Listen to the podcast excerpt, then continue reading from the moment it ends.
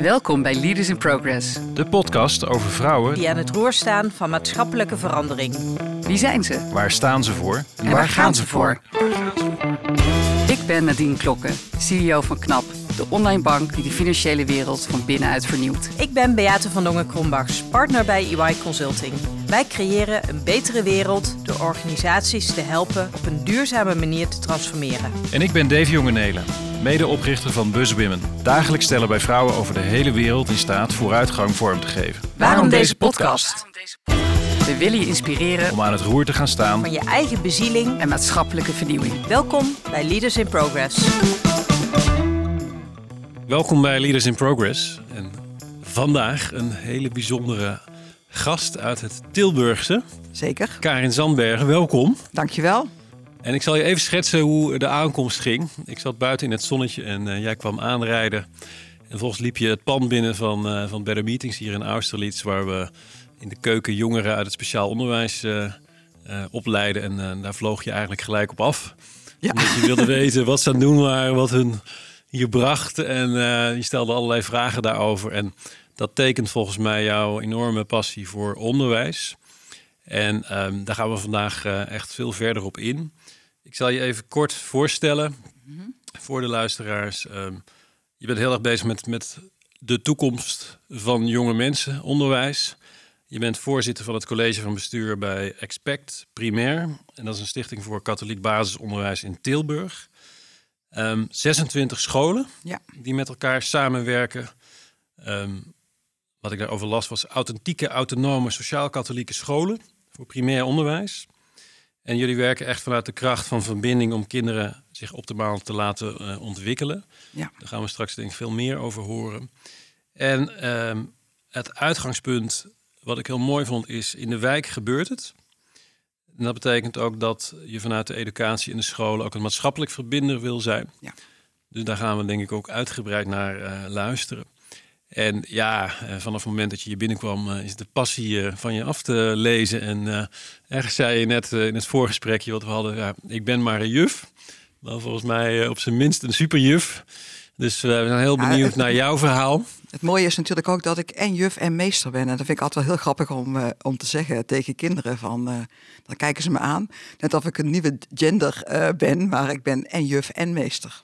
Nou, dat is een mooi om te beginnen. Leg dat eens uit. Wat maakt jou tot juf en meester? Ja, dat heeft te maken met mijn opleiding. Ik ben, ik ben eigenlijk van, van huis uit ben ik Neerlandica. Ik heb Nederlands gestudeerd.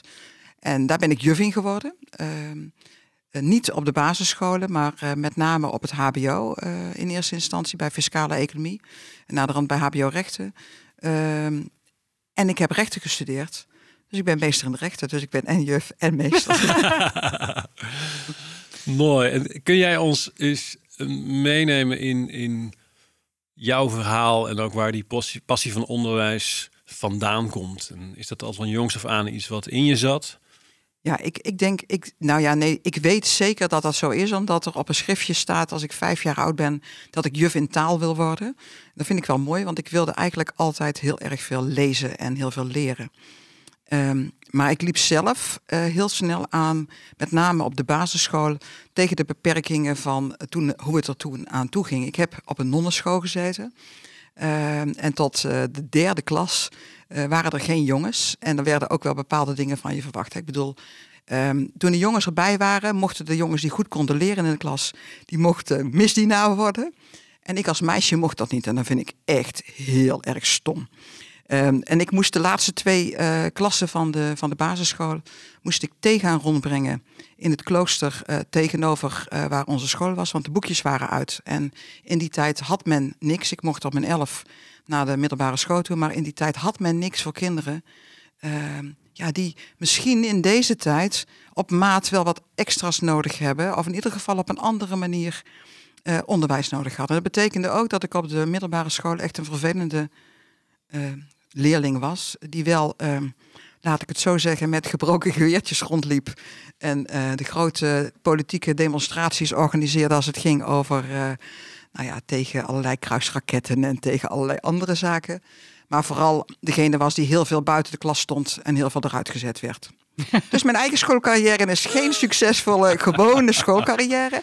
En ik heb altijd gevonden ehm, dat je uh, jezelf ook op een andere manier kunt ontwikkelen. Ehm, en ik probeerde daar ook echt wel debatten over te voeren, ook op school, ook met de conrectoren die mijn naam ook allemaal heel goed kenden.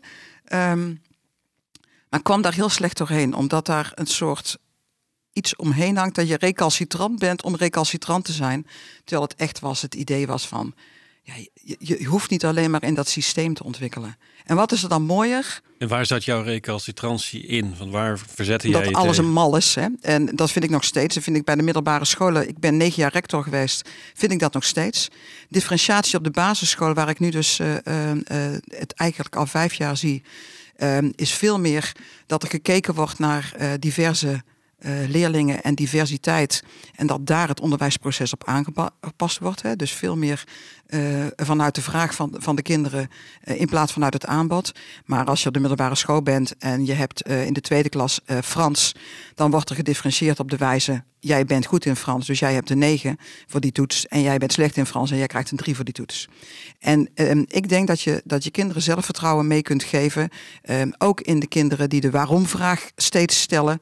Ehm, en niet af moet doen met van het staat zo in het boekje, we doen de methode en uh, we geven aan dat het op deze manier moet. Nou ja, dat is een van de dingen waar ik al heel snel tegenaan liep vanuit mijn persoonlijke ervaring ook. En als je kijkt naar, jou, uh, naar jouw thuissituatie toen, je was die middelbare scholier, je ging naar huis. Wat, hoe, hoe was jouw...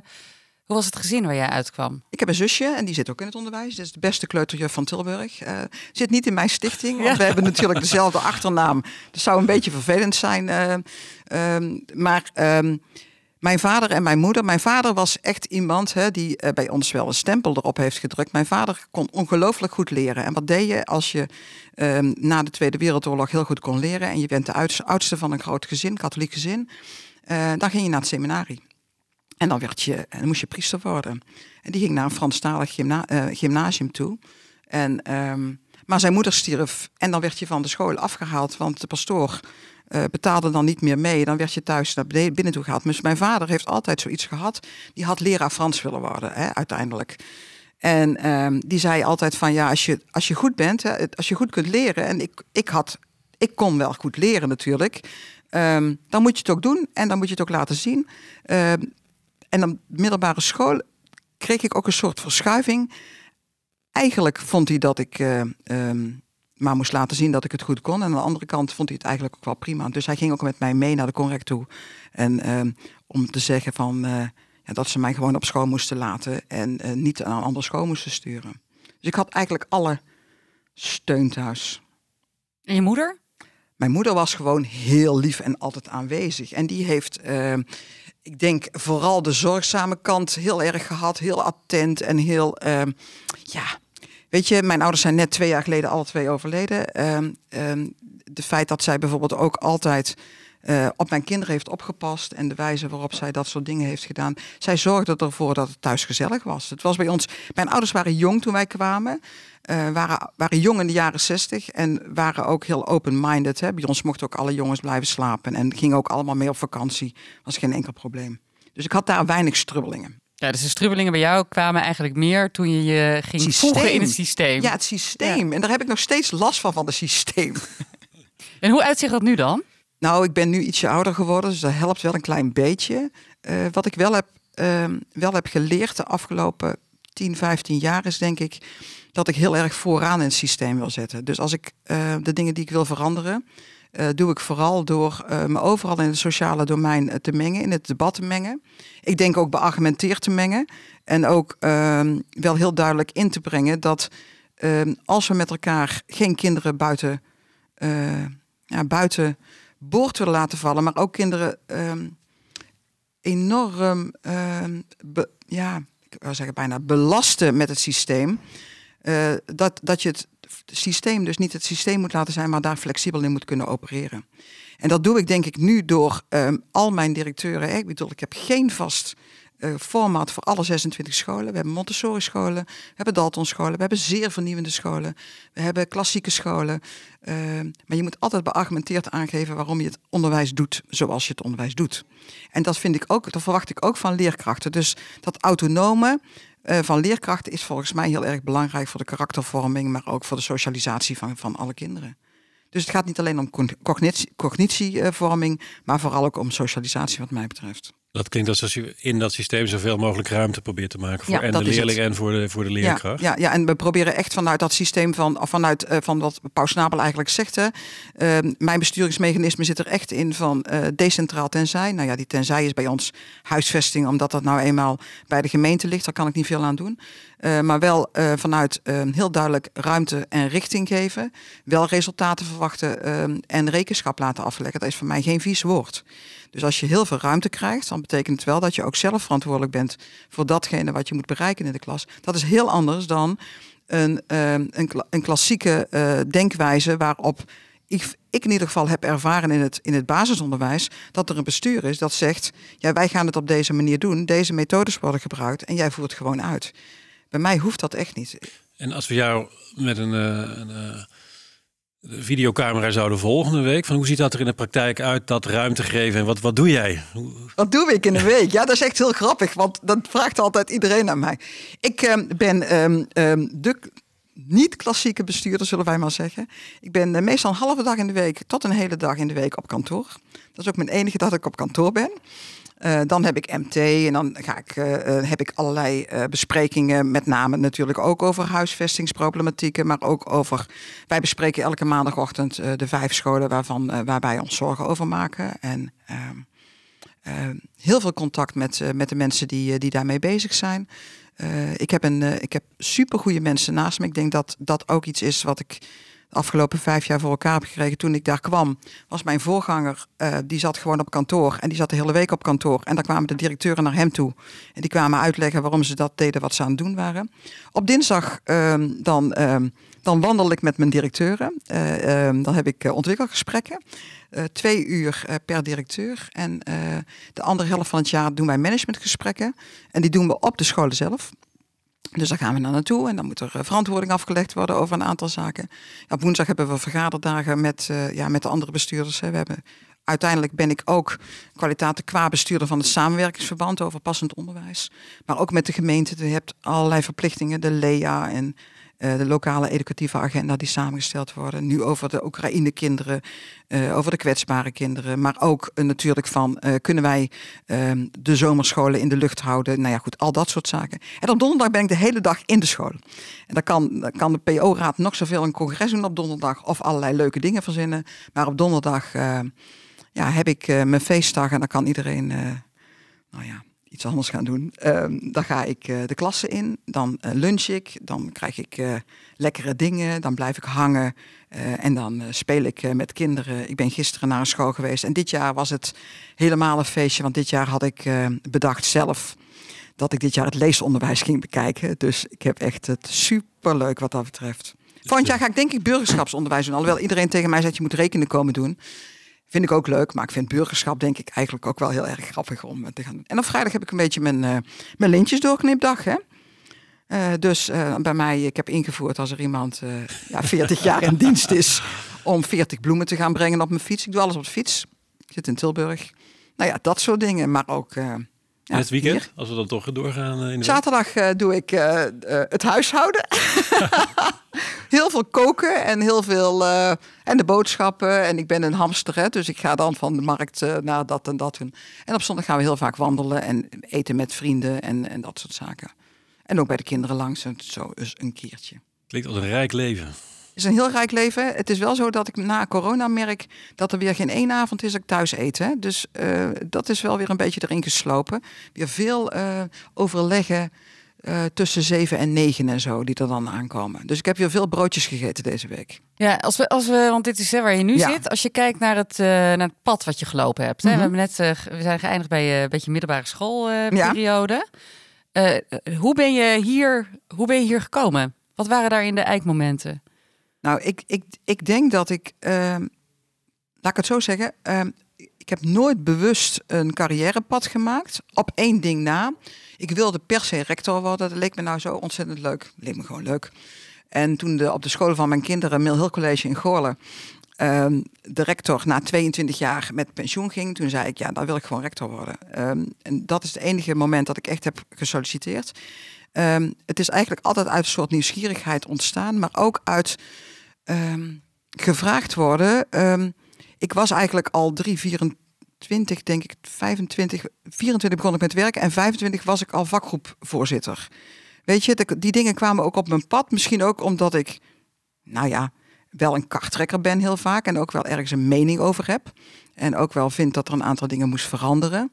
En ik heb het vaak heel goed gehad, ook in MT's. Maar ik heb ook veel geleerd van een, van een periode waarin ik gewoon een leidinggevende had. Die gewoon waardeloos was. In ieder geval die voor mij waardeloos was. En waar ik veel last van heb gehad, kan ik dan hier ook nog wel hardop zeggen, zijn arrogante mannen. Uh, ik, uh, jullie zien mij niet, maar ik ben niet zo heel erg groot en ik ben blond. Uh, waar ik heel veel last van heb gehad. Die mij, nou ja, wij hebben het, het, ja, ik denk dat met andere vrouwen hebben we het er ook wel eens over.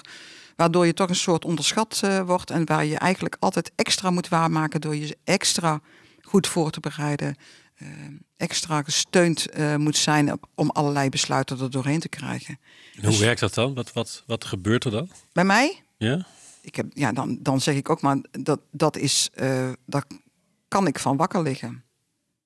En dan kan ik echt zo gaan twijfelen dat ik echt denk van, en dan ga ik overal bevestiging zoeken van, uh, heb ik dit niet goed gelezen? Ben ik daaraan? Dus mijn interne dialoog, hè, die stopt nooit. En die wordt extra, nog extra versterkt ja. in zo'n context. Ja, ja, ja, ja, ja. En dan denk ik echt van, weet je, ehm, ja, dan denk ik weer terug aan, aan, aan die aan die leraren of aan die corrector die mij toen dacht van ja, dit wordt helemaal niks met haar.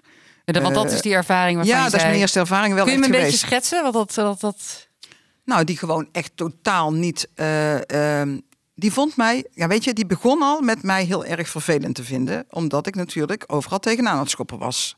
Dat was ik ook, ik was 13, 14 jaar. En ik schopte tegen alles aan. Hè, en ik vond ook echt dat er cijfers gegeven werden op een wijze waarop ik dacht, het is al hartstikke bevooroordeeld. Als je een lief, aardig uh, jongetje of meisje in de klas bent, dan krijg je een hoger punt.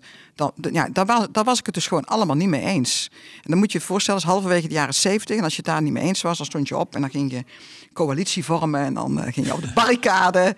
Ik had mijn haar paars geverfd. Nou ja, dat soort dingen natuurlijk. En later komt dat dan ook wel weer terug. Want dan denk je, ja, maar misschien hadden zij ook wel iets natuurlijk waarom ze dit vonden. En ik denk dat het gemakzucht is, omdat ik niet paste in dat plaatje. En na de rand paste ik natuurlijk bijvoorbeeld als rector ook niet in dat plaatje. En als dan rectoren om je heen, collega-rectoren, uh, een beetje neerbuigend gaan doen, uh, die uh, ouder zijn en allemaal man zijn, dan komt datzelfde gevoel wel terug, ja. En hoe uitte zich dat in jouw gedrag dan? In, in, in eerste instantie heel stil waren, Nadine. Eh, in heel erg teruggetrokken zijn. En dan daarna in tweede instantie naar huis fietsend pas denk je, ja, maar dit en dit en dit en dit had ik allemaal moeten zeggen. En dit en dit en dit had ik allemaal moeten doen. Maar de volgende keer doe ik dit. En, en hoe heeft die interne dialoog, waar je dus soms in situaties kan waar je weer herinnerd werd aan die, die boodschap van je bent het eigenlijk niet waard of je kunt het niet hoe is dat door de loop der jaren? Is die gaan veranderen, die interne dialoog? Of hoe ben je daarmee omgegaan? Nee, die is niet veranderd, toch? Ik, ik, volgens mij blijf ik nog steeds dat eeuwige getwijfel hebben. Alleen mensen denken in eerste instantie uh, dat ik heel zeker van mezelf ben. En um, dat, dat getwijfel zorgt er ook soms voor, um, hoor ik ook van mensen om me heen, dat daardoor ook de besluitvorming beter is. Dus ik, ik heb vooral ook hele goede mensen om me heen nodig uh, die, uh, die, die daar niet van weglopen. Kijk, als je altijd uh, degene bent die het eerste reageert, is het soms bijna aangeleerd dat ik, ik zit soms echt op mijn handen, dan denk ik echt van jongens, snappen jullie dit nou nog niet of hebben jullie dit nog niet gezien? En dan moet ik dus, dan, dan zeg ik niks omdat ik denk, um, dan, heb ik direct weerstand en kan beter die, ik kan beter pas daarna doen. Ja, snap je een beetje wat ik bedoel? Ja, ik zit me af te vragen, uh, is dat die gedachte, uh, komt die in de setting van hè, een, een, een grote mannelijke populatie en jij? Of is dat eigenlijk een weerstand die je altijd ervaart, in wat voor een omgeving dan ook? Dus zit die op die specifieke context? Ja, die zit op die specifieke context. Ik heb het, ja. ik heb het echt veel minder... Um, Weet je, ik zou het eigenlijk niet meer moeten hebben als ik, als ik in de professionele omstandigheden zit. Hè? En ik weet het ook, hè? dus het weten is er wel, hè? maar het voelt soms anders. Het is wel heel eerlijk wat ik nu zeg. Hè? Dat, uh... Mag het er zijn van jezelf? Of heb je er nog verzet op? Ja, weet je, dan komt natuurlijk dat, uh, dat, dat onderdrukte kind komt dan wel weer even naar boven toe. Hè. Dat zit dan wel weer even op mijn schouder. Hè. En daar heb ik soms natuurlijk wel last van. Want soms uh, bekijk ik mezelf en dan weet ik ook dat ik dan even mijn kindgedrag ga zitten vertonen. En dat daar hoort ook bij soms ongenuanceerd recalcitrant zijn. En daar kan uh, ook heel veel weerstand op roepen aan de overkant natuurlijk. Soms helpt het wel hoor in vergaderingen om af en toe dat soort dingen te doen. Maar ja, soms duurt het ook even en even en even voordat het tot een besluit wordt genomen. Dan denk ik van, we weten al lang met z'n allen naartoe gaat. Kijk, daar heb ik ook dus een hekel aan. Hè? En zeg het dan gewoon eerlijk in plaats van heel de politiek geneuzel eromheen. Uitroepteken. Ja, ik vind het heel mooi dat je er zo eerlijk over bent. En ook van ja. dat aan de ene kant die geraaktheid en je vragen die bij het systeem stelt, ook leiden tot dat je het systeem wil veranderen. Maar dat er ook de kant bij is van waar je eigen zelftwijfel zit en, en je interne dialoog. En ja. Dat hij daar ook gewoon onderdeel van is. Want als je nou kijkt naar jij als bestuurder, mhm. ja, hoe geef je daar dan vorm? Houdt die twijfel je tegen? Of is dat juist een incentive om dingen op een andere manier te doen? Ja, ik denk dat dat, dat het is. En ik, ik, ik denk dat ik heb nou net bijvoorbeeld mijn 360 graden feedback weer moeten doen voor de Raad van Toezicht. En dat vond ik zelf ook alweer prettig om een aantal mensen te bevragen. Ja, weet je, dat, dan komt er toch gewoon uit dat ik vooral gezien word als een grote verbinder. En ik denk dat dat ook zo is. Ik sta heel makkelijk tussen mensen in. Um, maar ik probeer eigenlijk altijd ervoor te zorgen, en ja, dat is denk ik mijn onderwijsachtergrond ook wel echt, of mijn onderwijshart, dat die ander zich uh, uh, prettig voelt, zodat hij zich kan ontwikkelen. Ik geloof erg in het cascademodel. Ik denk echt dat als wij als bestuurder, als ik als bestuurder, het goede voorbeeld laat zien en laat zien dat ik mensen om me heen heb die sterk zijn en die ook, ja, de koersvastheid, men, zegt altijd dat ik zo koersvast ben, hè, dat ik goed weet wat ik met onderwijs wil. En dan denk ik ook dat dat zo is hoor. Want um, nou, goed, jullie, jullie voelen wel een beetje aan dat het voor mij onderwijs niet alleen is het halen van de basisvaardigheden uh, en een CITO-score. Dat het vooral erom gaat om je te kunnen bewegen als, als emanciperend mens uh, in de maatschappij en zoveel mogelijk anderen te ontmoeten. En ik denk dat ik dat ook laat zien in bestuurdersfunctie. Kijk, eh, hiervoor was het, dat zie ik ook bij collega-bestuurders, is alleen de bestuurder zichtbaar. Bij mij zijn de mensen om mij heen ook zichtbaar. Die gaan ook mee naar de scholen toe. En de mensen in kantoor ik vind dat een afdeling uh, eh, HRM ook moet weten wat er op de scholen speelt en die verbinding moet hebben met alle mensen.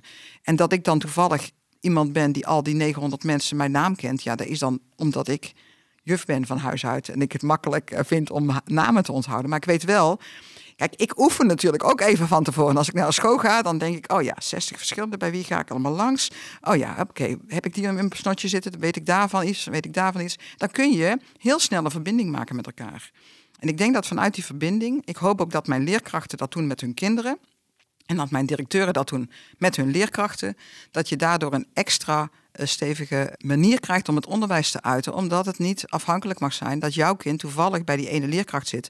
En daar geen klik mee heeft. Dan mag toch niet leiden tot een ontwikkelstilstand, zou ik willen zeggen. En als je inzoomt op waar onderwijs echt over zou moeten gaan in jouw mening. Daar zei je net een aantal dingen over. En uh, Nadine, jij hebt eh, vier kindjes. Uh, ik heb er drie, dus we hebben er al zeven die naar scholen gaan. En zo. Ik ook, ik heb er twee, hè? Ja, en in, in, die, in de maatschappij waarin we leven, van waar gaat het dan in de kern voor jou om? Wat, wat is daar nodig? Voor mij gaat het in de, in de kern echt erom dat goed onderwijs is goed mens kunnen worden.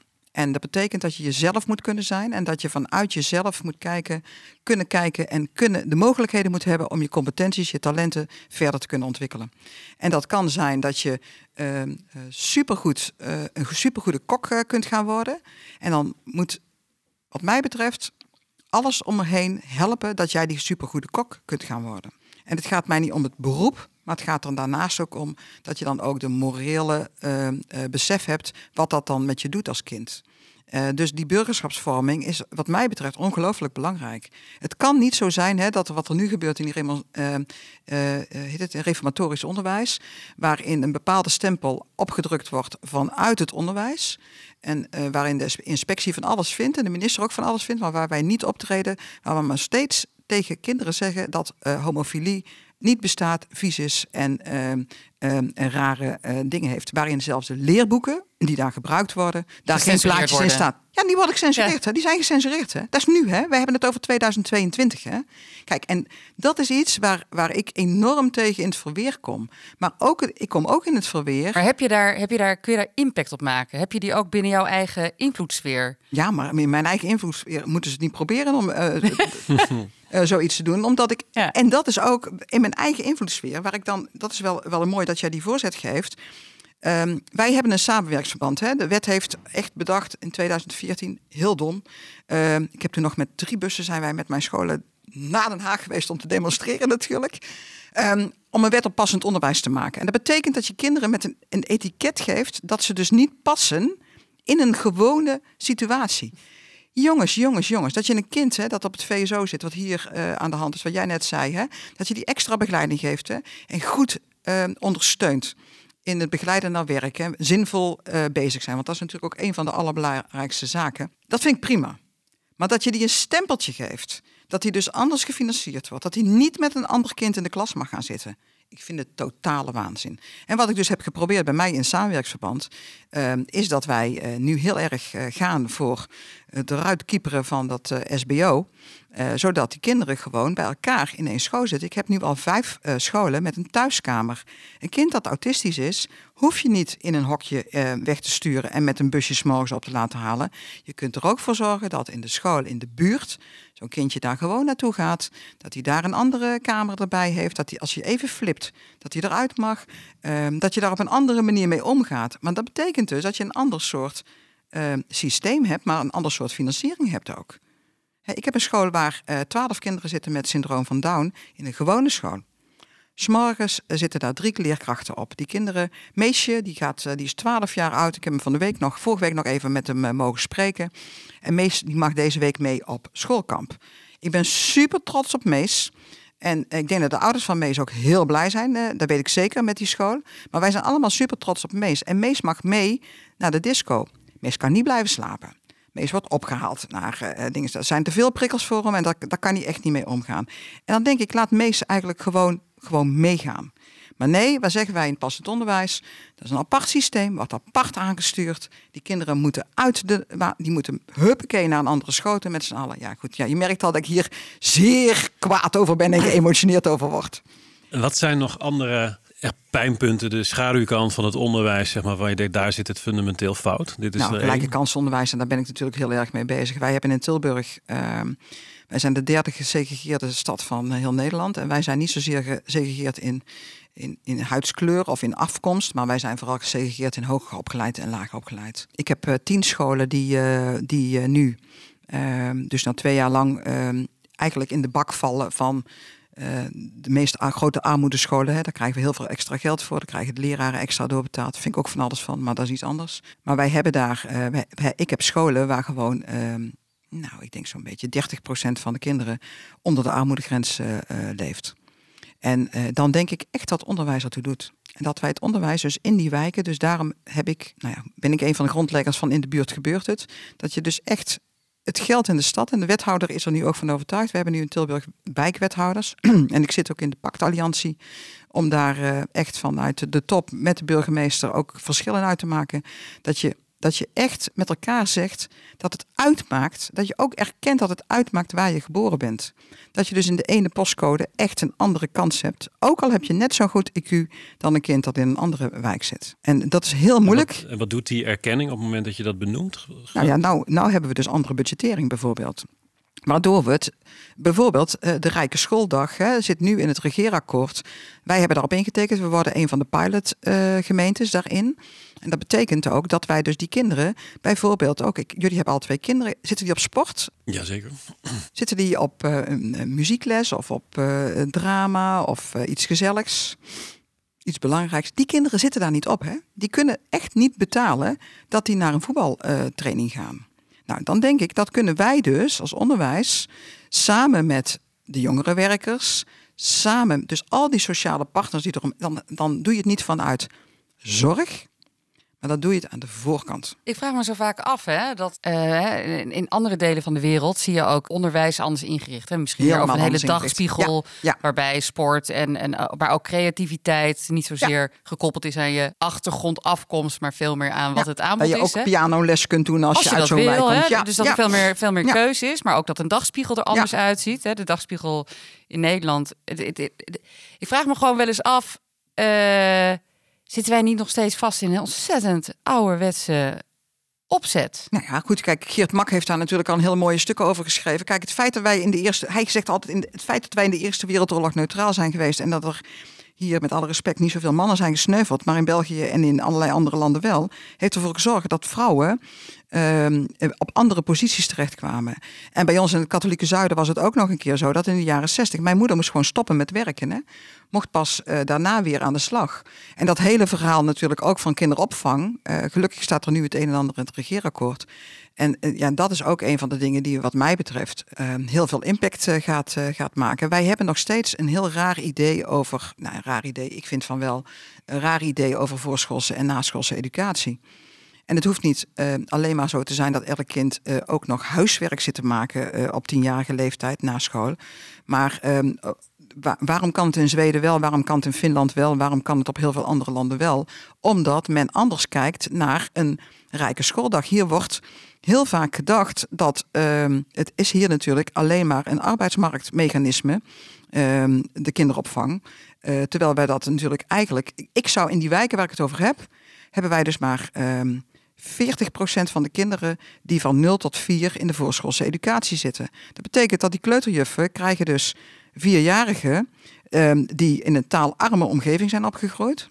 Die eigenlijk nog niet weten wat het is om op hun buurt te wachten. Als ze uit andere culturen komen, niet gespeeld hebben uh, op de wijze waarop wij dat voorbereidend spelen zien. Hè. Uh, met name in, in Turkse Marokkaanse gezinnen uh, wordt niet gekleurd, wordt geen, niet gekwartet. en dat zijn allemaal vaardigheden die wij nodig hebben in die eerste jaren als het gaat om het spelend leren en het lerend spelen. Nou, dat, dat soort dingen die waarschijnlijk bij jullie thuis heel gewoon zijn om te doen, ervaar ik dus als ik op zo'n school ben. Ik ervaar dus dat uh, volgens mij heb ik het al een keer verteld uh, tegen jou Nadine, uh, dat zo'n zo'n hoedje dat uit Syrië komt en, dat, en vijf jaar oud is, die heeft nog nooit gekaarten. Die wist niet eens wat kaarten was. En, en dat snap ik, want die is op de vlucht geboren naar hier toe. En um, heeft nog drie jongere broertjes en zusjes. En moeder alleen. Ja, die gaat niet zitten kleuren en zitten, zitten, zitten kleien met zo'n kind. Maar zo'n kind heeft wel meteen niet, niet, niet alleen die taalachterstand, maar ook een leerachterstand als het gaat om het feit dat de grijze cellen die ontwikkeld worden door spelletjes te doen met elkaar, of gezellig met elkaar voor te lezen, of bij elkaar te zitten in warmte, die zijn natuurlijk achtergebleven. En, en ik denk echt dat wij met onderwijs uh, in dat beginstuk enorm veel zouden kunnen betekenen. Wat zou jou helpen in deze missie? Nou, mij zou heel erg helpen, en dat gaat, dat gaat hopelijk vanaf. Uh, afgelopen aanstaande weken helpen, is dat uh, wij gaan uh, onderzoeken of wij kunnen samengaan met uh, kinderopvang, waardoor wij de uh, schooldagen heel anders kunnen gaan inrichten. Ehm, dat wij ook in onze, ja, nu is kinderopvang wel ook maatschappelijke kinderopvang, eigenlijk altijd gelinkt aan rijke wijken. Want daar komen de ouders die met z'n tweeën werken en die zetten die kinderen daar neer en je moet best veel betalen daarvoor. Dus dat is denk ik uh, uh, duidelijk. Maar wat, wat, ik heel graag zou willen, dat het in de sociaal armere wijken heel gewoon is om je kind drie dagen in de week, uh, ook na schooltijd, daar neer te zetten. En dat zou ons helpen aan de voorkant. Maar dat helpt ons ook omdat wij in Tilburg ehm, nu bezig zijn met het jeugdondermijningsplan. Omdat ik heel veel wijken heb waarin de acht tot tienjarigen nu geronseld worden door de, door de bendes. En die staan op de, ink, op de. Dat kunnen jullie je misschien niet voorstellen, maar het is echt um, enorm. Het aantal kinderen dat uh, nu uh, moet helpen bij uh, drugsdelicten, ehm, maar ook op de uitkijk staan. Ehm, wij hebben het helemaal in beeld. En een van onze directeuren zit ook gelukkig in, dat, in de werkgroep gemeentelijk. Wij zijn daar nu heel hard mee bezig, maar het is bij ons echt schering en inslag. Wij zien dat ook in, in de wijken waar we met, met, met buswomen werken. Ja.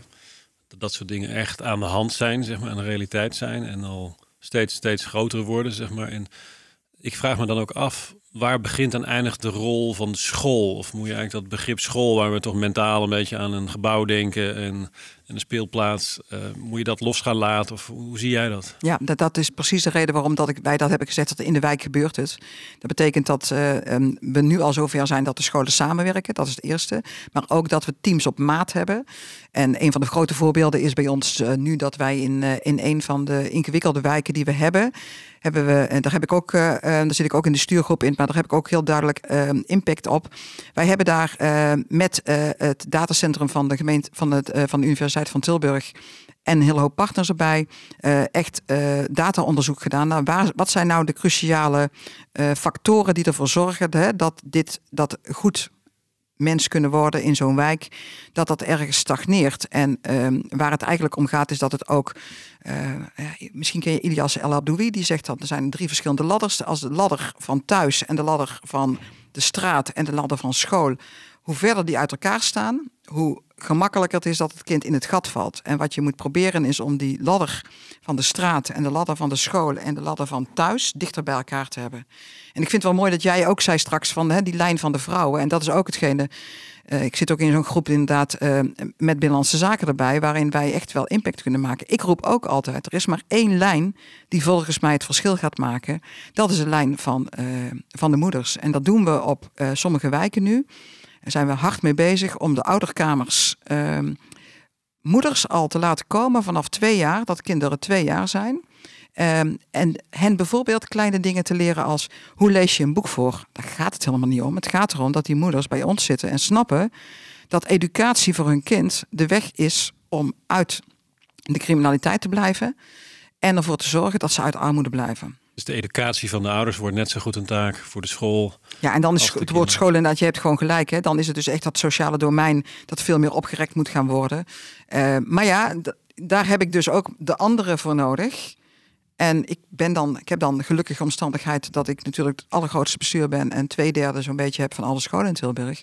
Maar er zijn ook uh, uh, natuurlijk uh, scholen die zich vooral heel erg richten op de basisvaardigheden en die op een andere manier de boel aansturen. En daar zit ik wel mee in het samenwerksverband en daar zit ik ook mee in de gemeente. En ben je hier dan mee een soort van broedplaats voor, voor de rest van, van, van Nederland? Want het speelt natuurlijk bij, bij nou ja, als wij, als wij, speelt. Ja, als wij, als wij het voor elkaar gaan krijgen om inderdaad uh, die kinderopvang aan ons te binden. En als we die wetgeving hopelijk over vier jaar in de volgend regeerakkoord uh, in het funderend stelsel anders gaan krijgen.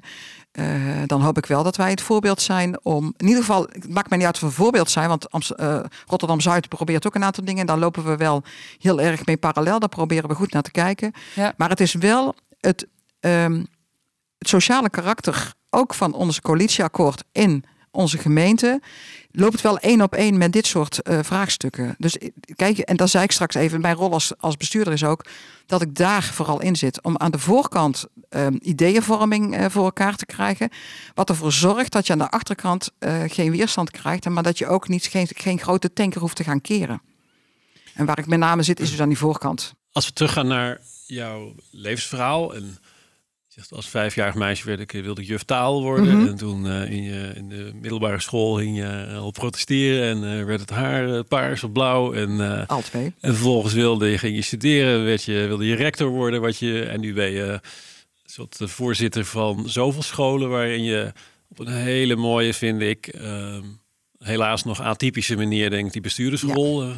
als meer bestuurders op, dit manier, op deze manier het zouden invullen... en wat minder op kantoor zitten wat meer tussen de mensen zitten, zou dat ook een verademing zijn. Maar wat what's next, zeg maar? Zit daar nog een soort beeld achter van hoe kijk je daar in je eigen toekomst uh, daarin? Nou ja, ik zou dus heel graag um, de komende jaren um, voor elkaar willen krijgen dat we die kinderopvang uh, en het normaal gaan vinden dat um, ook kinderen in minder sociale klassen uh, voorschoolse educatie gaan krijgen. Hè, dat, dat, ja, wij strijden met, met drie vrouwen, worden wij altijd een beetje de drie musketiers genoemd. Dat is één van de, van de jeugdzorg en, uh, en, en, één is wethouder.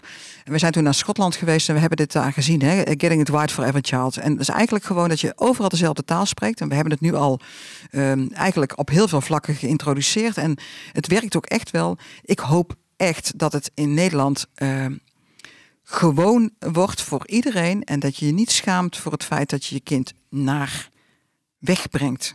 En dat, dat, het ook, dat er professionals zitten die het ook um, gunt om dat op hun eigen authentieke manier te doen. Maar wel vanuit het idee dat je kinderen sterk moet maken uiteindelijk. Als ik dat voor elkaar zou krijgen.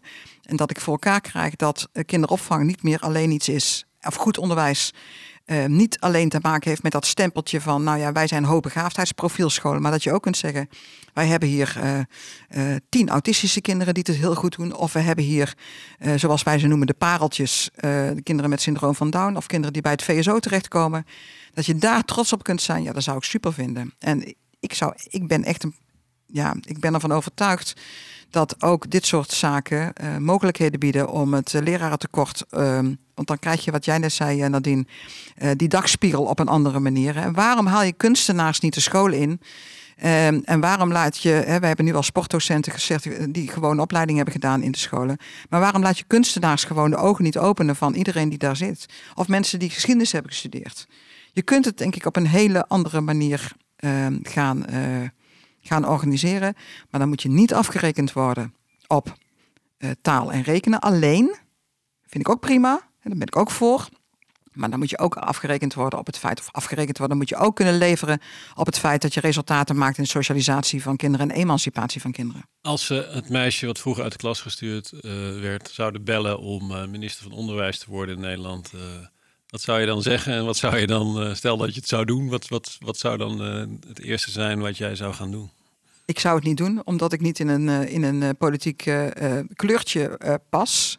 En als je aan mij vraagt wat zou je gaan, gaan, gaan doen, dan, dan zou ik erkennen dat er ongelijkheid is bij de start van allerlei verschillende scholen. En niet dat alleen doen met dat fijne wekingsgetal wat wij hebben, hè, wat, je, wat je zogenaamd hebt.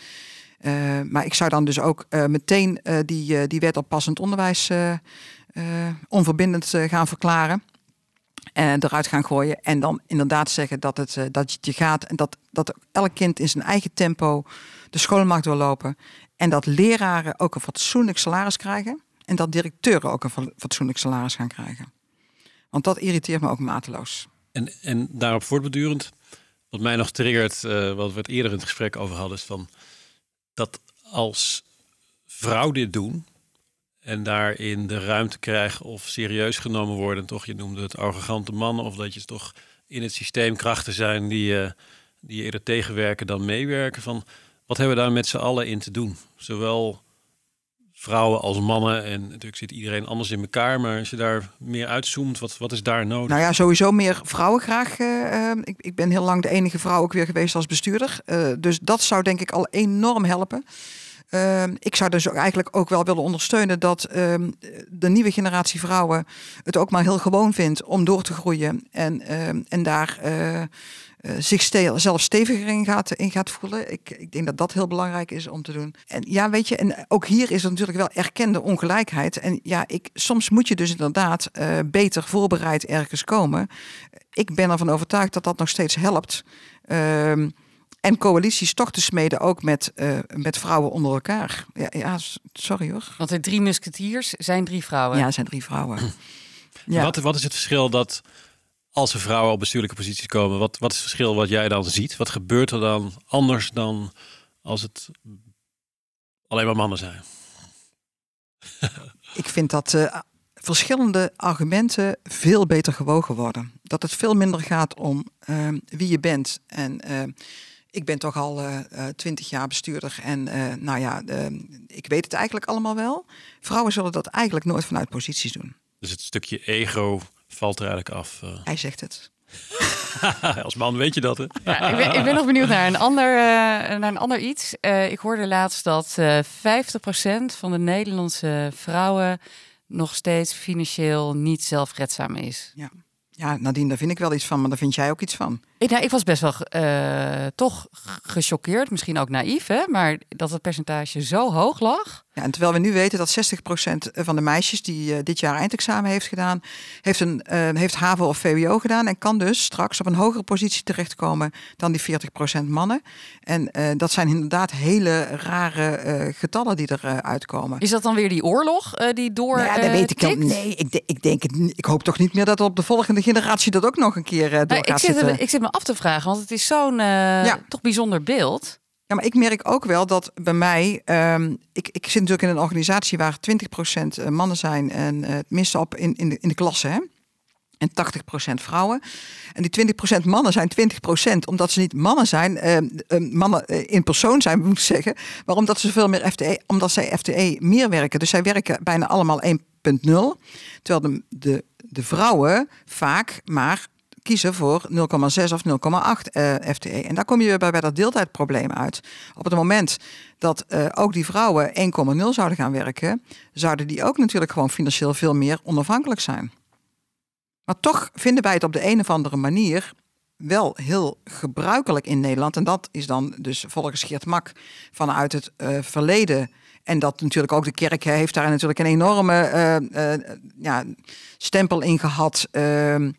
Wat ook niet heeft geholpen zijn natuurlijk de laatste jaren uh, Arie Slop aan top uh, vanuit uh, de ChristenUnie, die daar ook bepaalde dingen van heeft gevonden en waarbij er ook geen stimulans hebben gekregen om vrouwen fulltime laten te, te, werken. Ik heb het van ik vind het nog steeds ongelooflijk als ik uh, praat met jonge vrouwen uh, die uh, zwanger zijn, dat het heel gebruikelijk is dat ze het ook maar heel gewoon vinden en dat geen vragen over gesteld worden waarom ze dan 0,6 ehm, gaan werken als ze terugkomen. Dan worden vragen over gesteld als ze 0,8 gaan werken of 1,0 komen eh, werken. En dat doen wij vrouwen ook. Wij vrouwen doen hen dat ook aan. Er is toch, er is toch een, een omgeving op dit moment die het Mag ik, mag ik, Dave, mag ik aan jou vragen, werk jij fulltime? Nee. En werkt jouw vrouw fulltime? Nee, maar steeds meer. Maar ja. ja. Ja, goed, dat is typisch. Ga maar eens kijken in beroepen als we het hebben over MBO. Dan is het eigenlijk nog steeds gewoon heel gebruikelijk dat de man fulltime werkt. Als jij bij een timmerbedrijf werkt of je werkt op, uh, in de supermarkt of weet ik wat, dat de vrouw dan gewoon 0,6 werkt. Maar in het onderwijs is het exact hetzelfde. Ik heb meer leerkrachten die 0,6 werken dan dat ik leerkrachten heb die 1,0 werken. Dus ook, en wat is dan binnen de vrouwen zelf? Je zegt, wij doen er zelf aan mee. Wat, wat is omdat vrouwen elkaar bevragen over het feit als jij 1,0 gaat werken. De eerste vraag is: Oh, jij krijgt een babytje. Uh, hoe heb je dat geregeld? Straks, als je weer aan het werk gaat. Ja, dus die verandering zit ook bij de vrouwen zelf. Ik denk dat die vooral bij de vrouwen. Wij vrouwen voelen volgens mij altijd wat vrouwen ervan vinden. Ik heb me altijd moeten verdedigen over het feit dat ik fulltime ben blijven werken. En dat mijn man ook fulltime werkt. Ik geloof niet dat hij zich ooit heeft moeten verantwoorden over het feit dat hij fulltime is blijven werken met twee kinderen. En mijn generatie is denk ik wel, uh, ja, daar ook wel. Uh, ja, aan de andere kant zou kunnen zijn, hè, is het niet een enorme luxe uh, dat vrouwen, 70% van de vrouwen werkt uh, parttime tegen geloof ik 40% van de mannen ongeveer. Ja.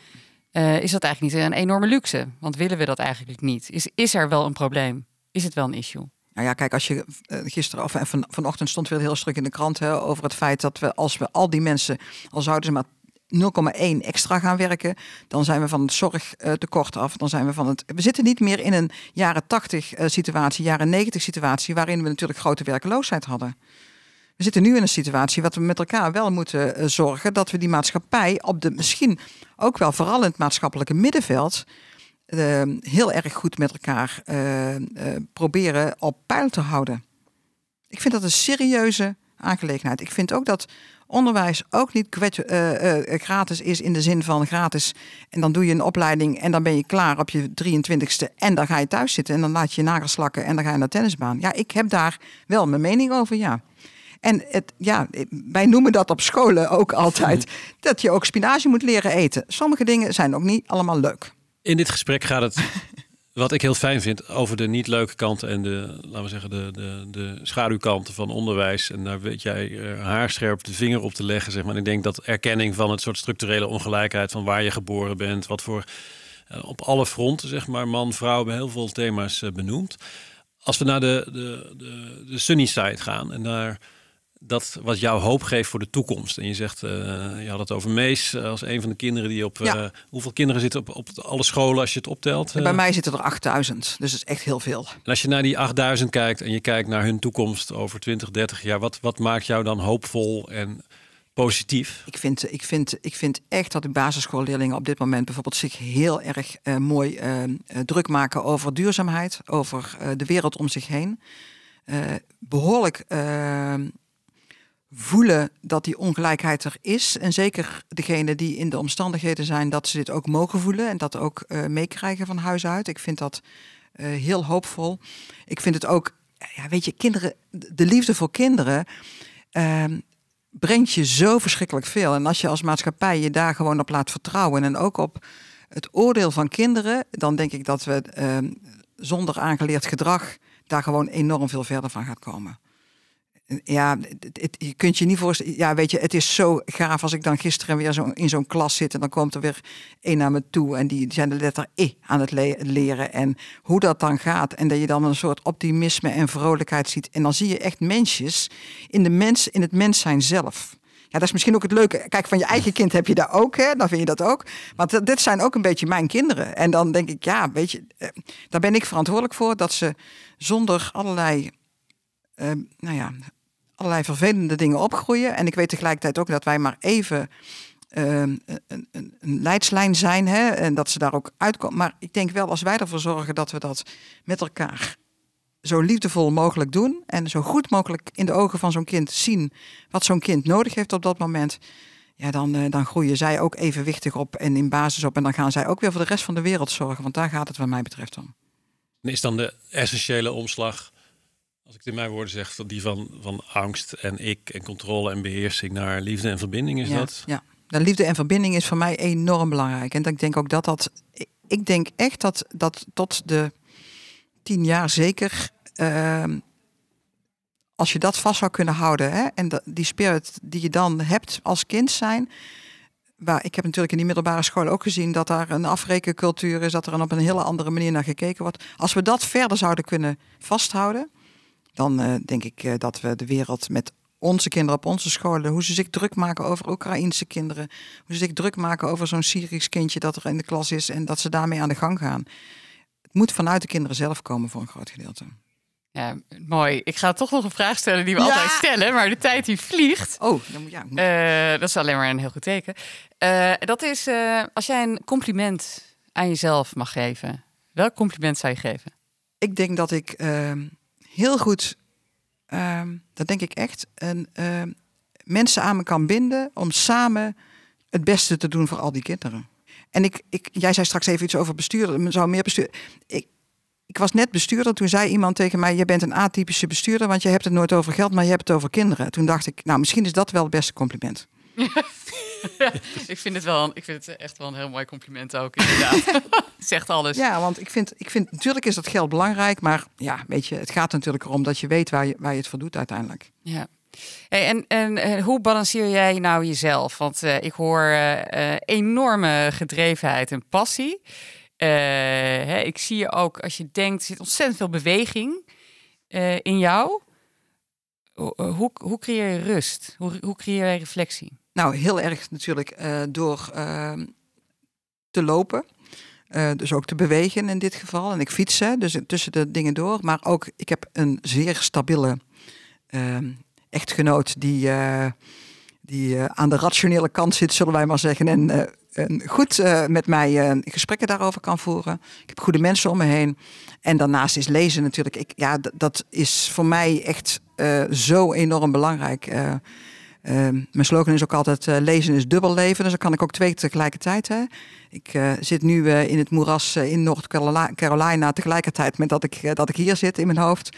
Ehm, ja, weet je, dat is voor mij. En, en muziek en, en dat soort zaken. Dus, en ook wel zorgen voor anderen. Dat vind ik eigenlijk ook wel heel fijn. Maar ehm, de vakanties zijn ook wel heel belangrijk. ik loop wel over af en toe, ja. ik kan het me indenken als ik beluister uh, wat je allemaal uh, ook in gang zet en in werking zet. Het is ook veel. Ja, het is veel, maar tegelijkertijd um, heeft het wel allemaal met elkaar te maken. En ik kan me wel heel erg druk maken als het onrechtvaardig is. Hè. Dus dan kan ik ook wel potverdorie denken van dit gaan we doen en dat gaan we doen en dat moet er nog gebeuren. En als er dan weer er eenmaal in werk, ik ben wel um, in staat om het dan in een rugzakje te stoppen en dat even uh, op vrijdagmiddag ergens achter te laten en dan op maandag, uh, los te laten. ja, op zondagavond ja. weer eens gewoon op te pakken. Ja. Nou, gelukkig. Uh, we zijn zo'n beetje door de tijd, dus ik wil nog even checken richting Dave. Heb jij nog ja. een prangende vraag? Nee, meer ja, terwijl we hier zitten, ben ik ook aan het reflecteren op dit gesprek. En ik vind het zo mooi als iemand, als je bent wat je doet en je doet wie je, wat je bent en wie je bent. Dat voel ik bij jou zo in één lijn zitten. En dat is mooi. Als luisteraar kun je dat niet zien, maar in het gesprek, op het moment dat jij aan het woord bent, heb je misschien zelf niet door. Soms gaat het, de hand gaat letterlijk naar het hart. Ja, ik weet dus daar voel je van daar de bezieling zit. En dat straal je zo uit. Ehm, we hebben straks nog een cadeautje voor je. Dat uh, past denk ik wel bij, uh, bij jou uh, om te lezen. Een boek. Dat heet The Gift of Friendship. En ik denk, jij bent ook een geschenk van vriendschap, van verbinding met name. Dat is het geschenk wat jij in de wereld zet. Dus volgens mij past dat heel erg. Dus ik wil je heel erg bedanken, Karin. Ja, ik vond het fijn dat ik er mocht zijn en eervol om hier te zijn. Nou ja, ik denk eerder, eerder nog eervol voor ons. Ik ga een paar dingen delen die ik je heb horen zeggen. Uh, wat ik heel mooi vond was de start. Hè? Dat je bent opgegroeid vanuit de gedachte: als je talent hebt, uh, gebruik het. Hè? Eh, dat kan gaan dus over leren, maar net zo goed als je uh, goed bent in koken, gebruik het. Hè? Gebruik het als je onderwijs kunt krijgen, zet het in. Hè? Dus, dus echt die, dat startpunt in jouw leven echo door in hoe jij nu praat in het heden over de uitdagingen die jij om je heen ziet. Ontzettend leuk om te zien. Je view op onderwijs, hè? dat enerzijds cognitievorming, maar dat is bijna hygiëne en daaromheen het dat echt om gaat socialisatie en eigenlijk het goed mens leren zijn als grootste, als grootste thema daarin. Ehm, wat ik ook mooi vind is gewoon je, je openheid, je eerlijkheid over en enerzijds hè, de, de expressieve persoonlijkheid die je bent, maar gelijkertijd ook de twijfel en ook de interne dialoog die zich daarbij afspeelt. ik denk bij zoveel, maar het is ook heel fijn dat je het zo expliciet maakt, want daarmee is het er en kan het er ook uh, kan het er zijn. Uh, en je appel eigenlijk op uh, het, het, je missie op het gelijke kansenonderwijs. Het stoppen van het etiketteren van kinderen. Zeker. De gedachte van in de buurt gebeurt het. de, de experimenten rond het voorschoolse onderwijs combineren met het onderwijs, zodat je veel meer, veel rijkere, eigenlijk rijker aanbod voor de kinderen biedt. en tot slot eigenlijk de hoop is de liefde en, en het, het kind zelf, die jou uh, ook het geloof geeft in een, in, een goede, in een goede toekomst. En, uh, en een heleboel inspiratie, denk ik, voor ons. Dus dankjewel, Karin, voor je komst. En ontzettend veel succes op jouw missie. Dankjewel, hoor. Dankjewel voor het luisteren naar deze aflevering van Leaders in Progress. We hopen dat je ervan genoten hebt en er volgende keer weer bij bent wanneer we een nieuwe gast aan tafel hebben. Ben jij geïnspireerd en zou je ook willen werken aan vooruitgang? Dat kan. Ga nu naar www.leadersinprogress.nl en kom in actie. Of neem direct contact met ons op via de e-mail. Tot de volgende keer.